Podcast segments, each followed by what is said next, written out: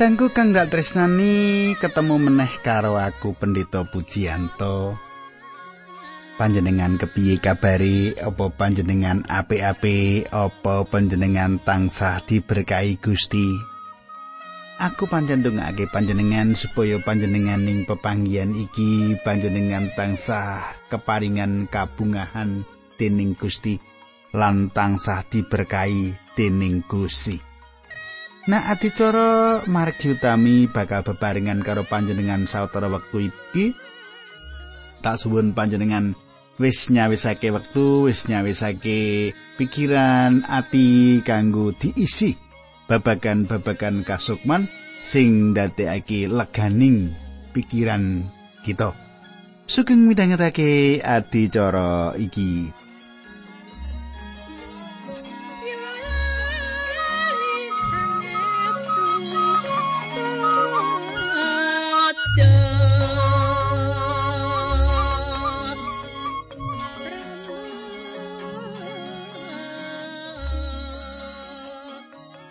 Sumitraku ing patemon kita kepungkur. Kita wis nyemak lawang telu kang nuntun wong menyang ruangan maha suci. Lawang kang kapisan yaiku lawang kanggo mlebu ing latar perangan jaba. Ana kono dosa dirampungake. Lawang kapindo yaiku lawang kang kanggo mlebu ing ruangan suci. Ana kono kita bisa manembah Allah ing sajroning roh lan kayekten. Lawang katelu yaiku lawang kang mlebu ing ruangan mau suci ngliwati geber kang meratelake urip kang dipasrahake Sang Kristus ing kayu salib. Sabanjure kepiye kita bakal nyemak ing patemon iki? Nanging sadurunge kuwi kita ndedonga dhisik. Sadurunge ndedonga meneh, kita ngaturake salam kanggo sederek-sederek sing gatekake adicara iki. Aku ngaturake salam wis iki marang Bapak Jemingun. Kados pundi Pak Jemingun lan Ibu pawartos panjenengan. Menapa panjenengan sae-sae kemawon? Menapa panjenengan diberkahi Gusti? Kados pundi samenika dados majelising pesamuan? Menapa panjenengan repot?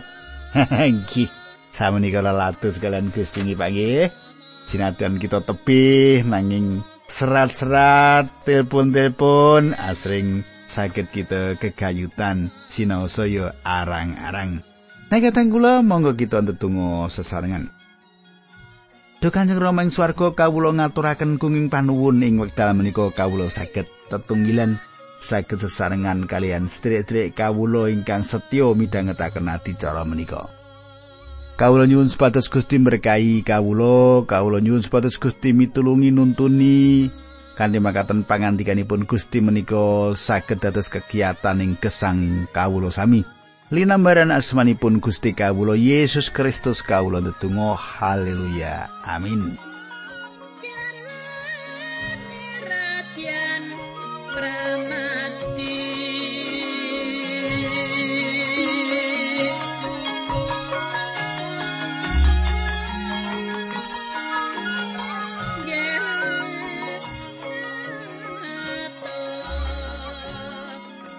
Kadangku saiki kita ngancik ing kitab pangentasan bab telung puluh songo atau pasal telung puluh songo.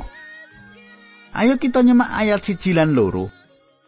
Besaleel lan Aholiab gawe sandangan sing indah-indah saka benang biru. Wungulan abang sing dinggo dening para imam samoso ngladeni ing sasana suci. Sandangan ning imam kanggo Harun dijahit kaya sing wis didhawuhake Allah marang Musa. Wong-wong mau padha gawe efod saka kain lena alus biru, wungu lan abang sarta benang emas. Katanggu panjenengan semak apa kang tinulis ing pengandikan mau. Sandangan iku disebut suci awet barang-barang mau dipisahake. Utawa dimligekake kanggo ngladosi Allah. Ayat 5 sabuke saka tenunan alus bakali padha dipasang dadi siji karo efod kaya sing wis didhawuhake dening Allah marang Musa.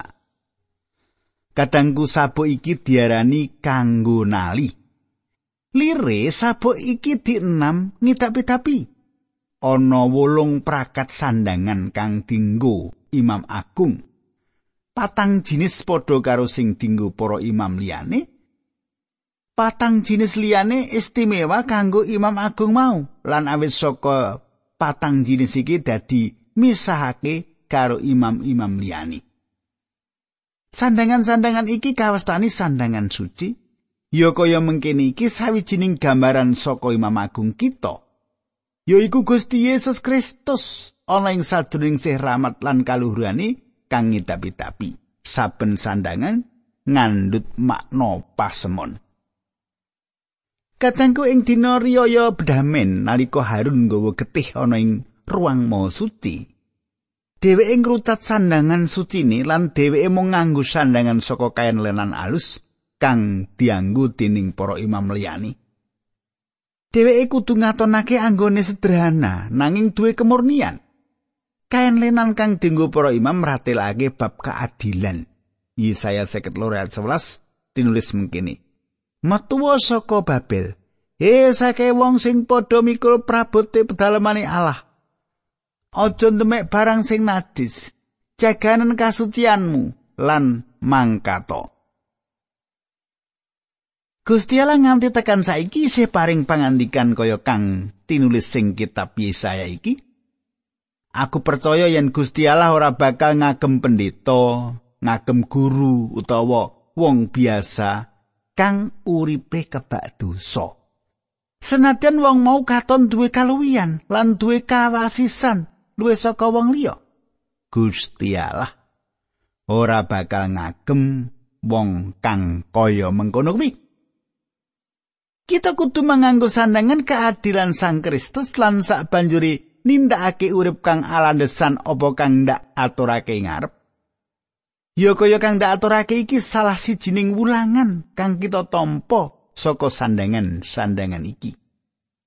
Kadangku perlu kita gatekake apa kang ditindakake Harun nalika dheweke mlebu ing ruangan maha suci ngaturake kurban kanggo dosane umat.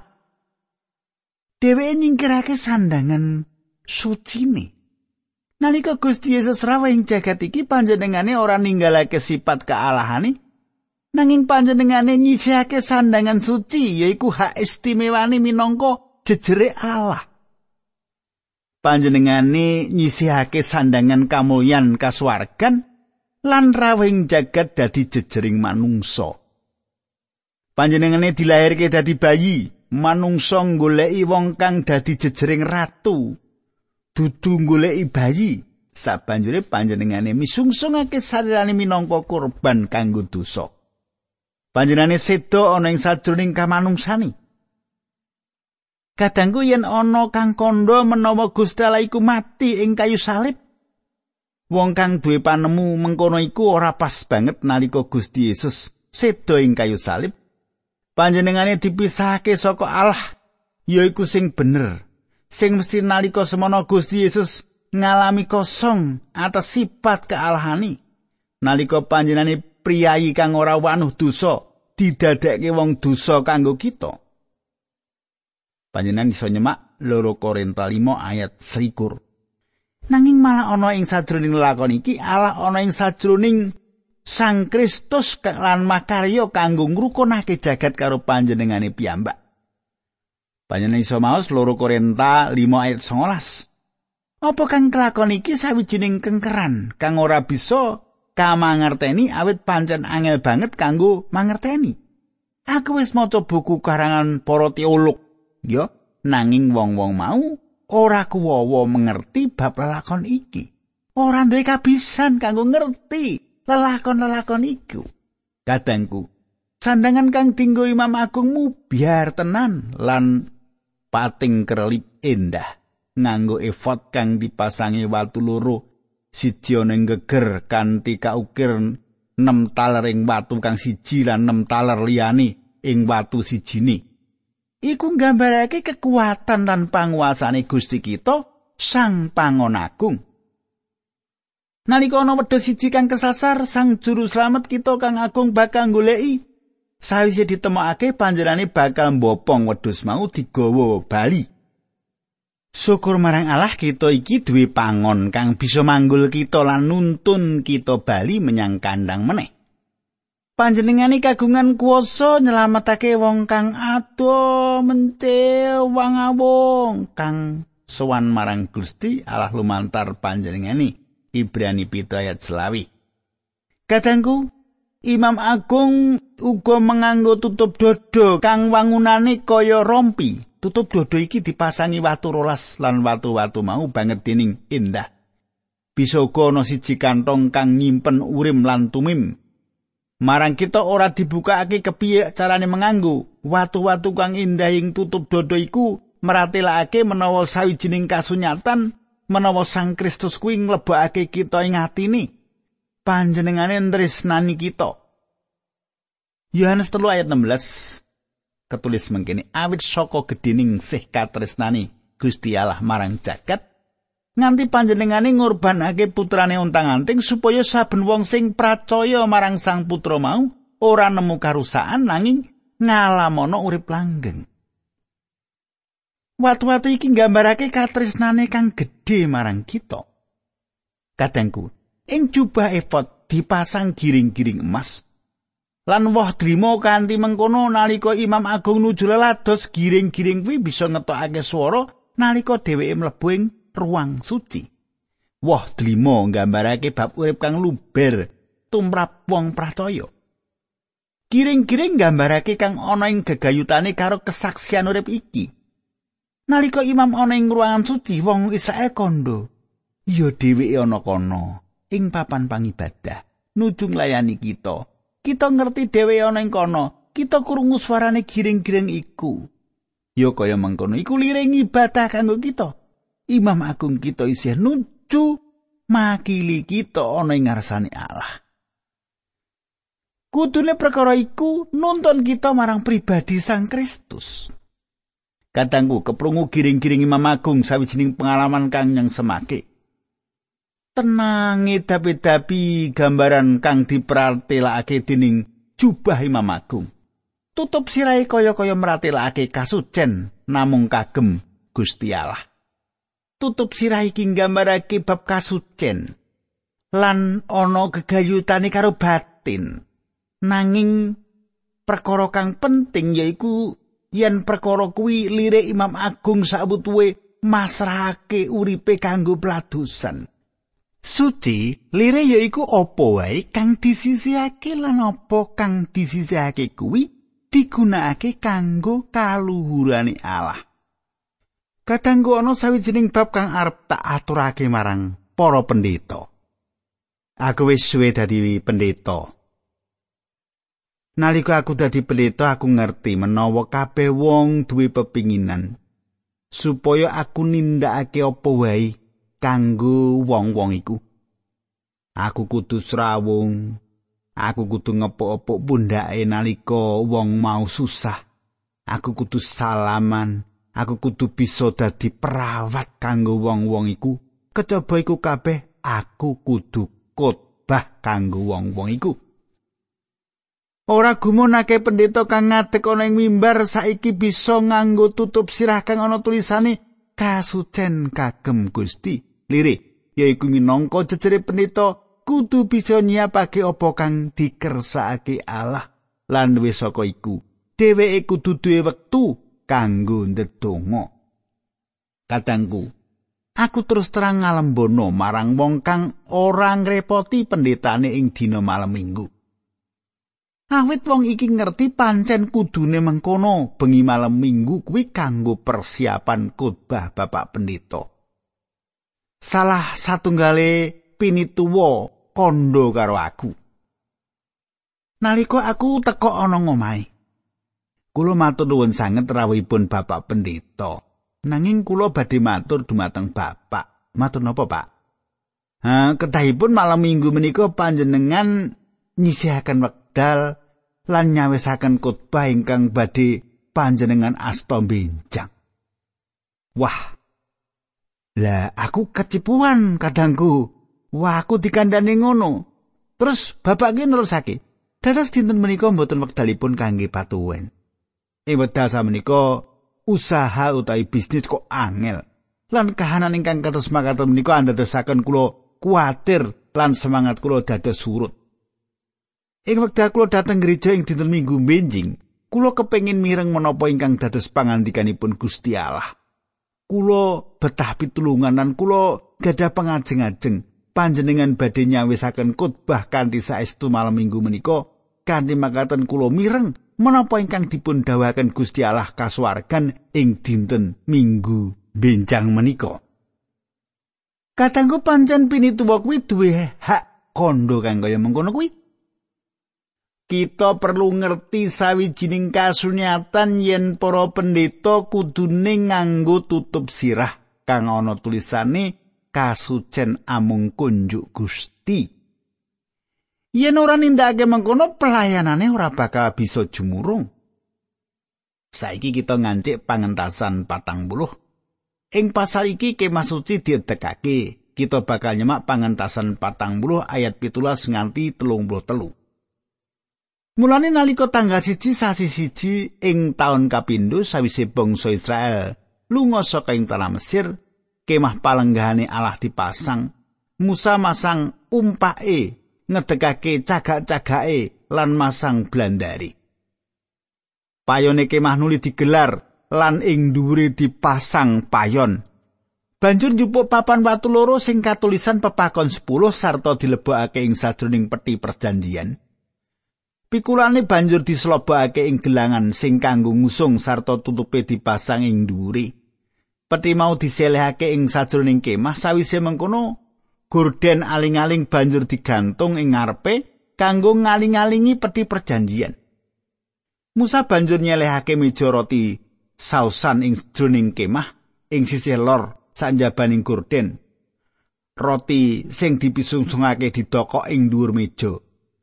Pedamaran nuli dipapanake ing sajroning kemah sisih kidul adep-adepan karo meja mau.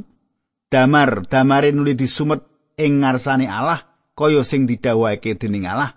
Misbeh mas dipernahake ing sajroning kemah sangareping gorden. Sawise ngobong dupa wangi kaya sing didhawuhake dening Allah mau, Musa masang gorden ing lawanging kemah. Ing sangareping kemah banjur didokoki mesbeh kanggo kurban obongan. Ing mesbeh mau dipisusungake kurban obongan sarta kurban gandum. Padasan kanggo wisuh diselehake ing antarane kemah lan mesbeh banjur diseni banyu. Musa, Harun lan anak-anake saben arep mlebu ing kemah suci utawa nyedai mesbeh, pisuh tangan lan sikil ning kono. Ing sakubenge kemah lan mesbeh mau dipasangi tutup lan ing lawangi plataran digantungi gorden. Mengkono Musa anggone ngerampungake pegawean iku. Katangku, aku mung kepengin ngandharake siji prekara awit saben prabot lan sandangan para imam wis kita sinau. Nalika Musa merintahake kemah suci didekake ing sajroning kemah wong Israel, sawijining lelakon kang ngiram-iramake dumadi kaya kang dingendikake pangandikane Gusti ing ayat 34 nganti 38. Banjur ana mega nutupi kemah suci sarta cahyane mencorong ngebaki kemah mau. Mulane Musa ora bisa mlebu ing sajroning kemah yen mega mau munggah ninggal kemah suci, bangsa Israel banjur mbongkar kemah-kemahe pindah menyang ing panggonan liya. Yen megane tetep ana ing sandhuwuring kemah suci, wong-wong iya tetep ing kemah-kemahi. Sajrone lelungan, mau banjur Israel ditenggani dening Allah ing sandhuwuring kemah yen awan ana ing mega sarta yen bengi ana ing geni murup. Kadangku. Nalika Rasul Paulus mbudidaya ngerti bab bangsa Israel kaya kang ditulis ing layang Rom, Paulus nulis sawetara perkara kang misahake wong-wong mau karo wong akeh. Salah sijine yaiku keluhuran, kaya kang disebutake ing Rom 9 ayat 4. Bangsa Israel iki siji-sijine bangsa kang tau duwe kamulyan Allah. Kaluhuran Allah kang katon. Yaiku kang mimpin bangsa mau liwat ora-ora samun kang gedhe lan gegirisi. Tugu mega bakal munggah ing wayah esuk nalika bangsa mau wiwit mlaku. Menawa tuku mega kuwi ora munggah, bangsa Israel bakal terus mandek lan manggon ana iki mah. Wong-wong mau ora tahu jumangkah mlaku kanthi kawicaksanan lan pertimbangane dhewe. Wong-wong mau ora njaluk timbangan sing akeh sing kudu dinut yen wong akeh kondo mangkat, mangkat. Yen sing ngomong mangkat iku sithik, ora susah mangkat. Musa dhewe ora duwe keputusan babagan iki kang kaya mengkono iku. Tugu mega kang duwe kuasa netepake. Mlaku, mlaku, ora, ora. Katangku. Sumitraku kita kala-kala gondo ing gereja kita. Sang Kristus kuwi kepalaning gereja. Kepiye gereja panjenengan? Apa Sang Kristus bener-bener dadi kepala gereja panjenengan? Apa kita ngetutake tugu mega saiki utawa kita mapanake salah siji majelis gereja kang kudu dietotake awit majelis mau pengusaha kang sukses? Apa panjenengan tau krungu wong kang kondo aku pengen ngomong marang pendeta supaya Pak Pendeta merantasi masalah iki? Aku kepengin Pak Pendeta paring dawuh marang aku apa kang kudu tak tindakake? Kadangku para pendeta dudu wong kang ahli kang bisa nemtokake apa kang kudu ditindakake. Para penita ora bisa ngrampungake saben masalah kang dumadi ing rumah tanggane saben wong. Nanging saiki ana tugu mega senajan ora kabeh wong bisa ndeleng. Tugu mega ing jaman saiki yaiku Sang Roh Suci. Panjenengane kang kudune nuntun lan mimpin kita. Nanging akeh wong kang ora mreduli marang panjenengane. kita tansah njaluk pitulungan marang wong kang katempuh masalah utawa yen ana masalah kita njaluk pitulungan kang ngungkurake Gusti Allah nanging sejatine kita mbutuhake pendeta kita mbutuhake guru lan wong biasa kang kapenuman dening Sang Roh Allah Gereja kita mbutuhake para pemimpin kang duwe kawigaten marang pangandikane Gusti Allah lan kang kepingin nindakake kersane Allah. Ora ana tugu mega kang katon ing gereja jaman saiki nanging Allah Roh Suci ngersakake mimpin lan nuntun kita. Katanggu apa kang dak aturake iki nutup pasinaon kita ing kitab pengentasan iki. Kitab iki kawiwitan ing kahanan kang peteng yaiku wong Israel kang kudu gawe bata ing Mesir lan ditutup kanthi rawing Gusti kang kawiwitan ing sadroning kemah suci. Gusti Allah nuntun wong-wong mau ngumbara ing ora samun. Gusti Allah ngersakake merdekake panjenengane saka leleteking dosa lan nunjuk panjenengan dumateng kaluhuran ing ngarsane Allah lan ing salebeting puser kersani. Kani mengkono Gusti bisa nuntun panjenengan. Kitab pangentasan yaiku satunggaling kitab kang ngidapi-dapi.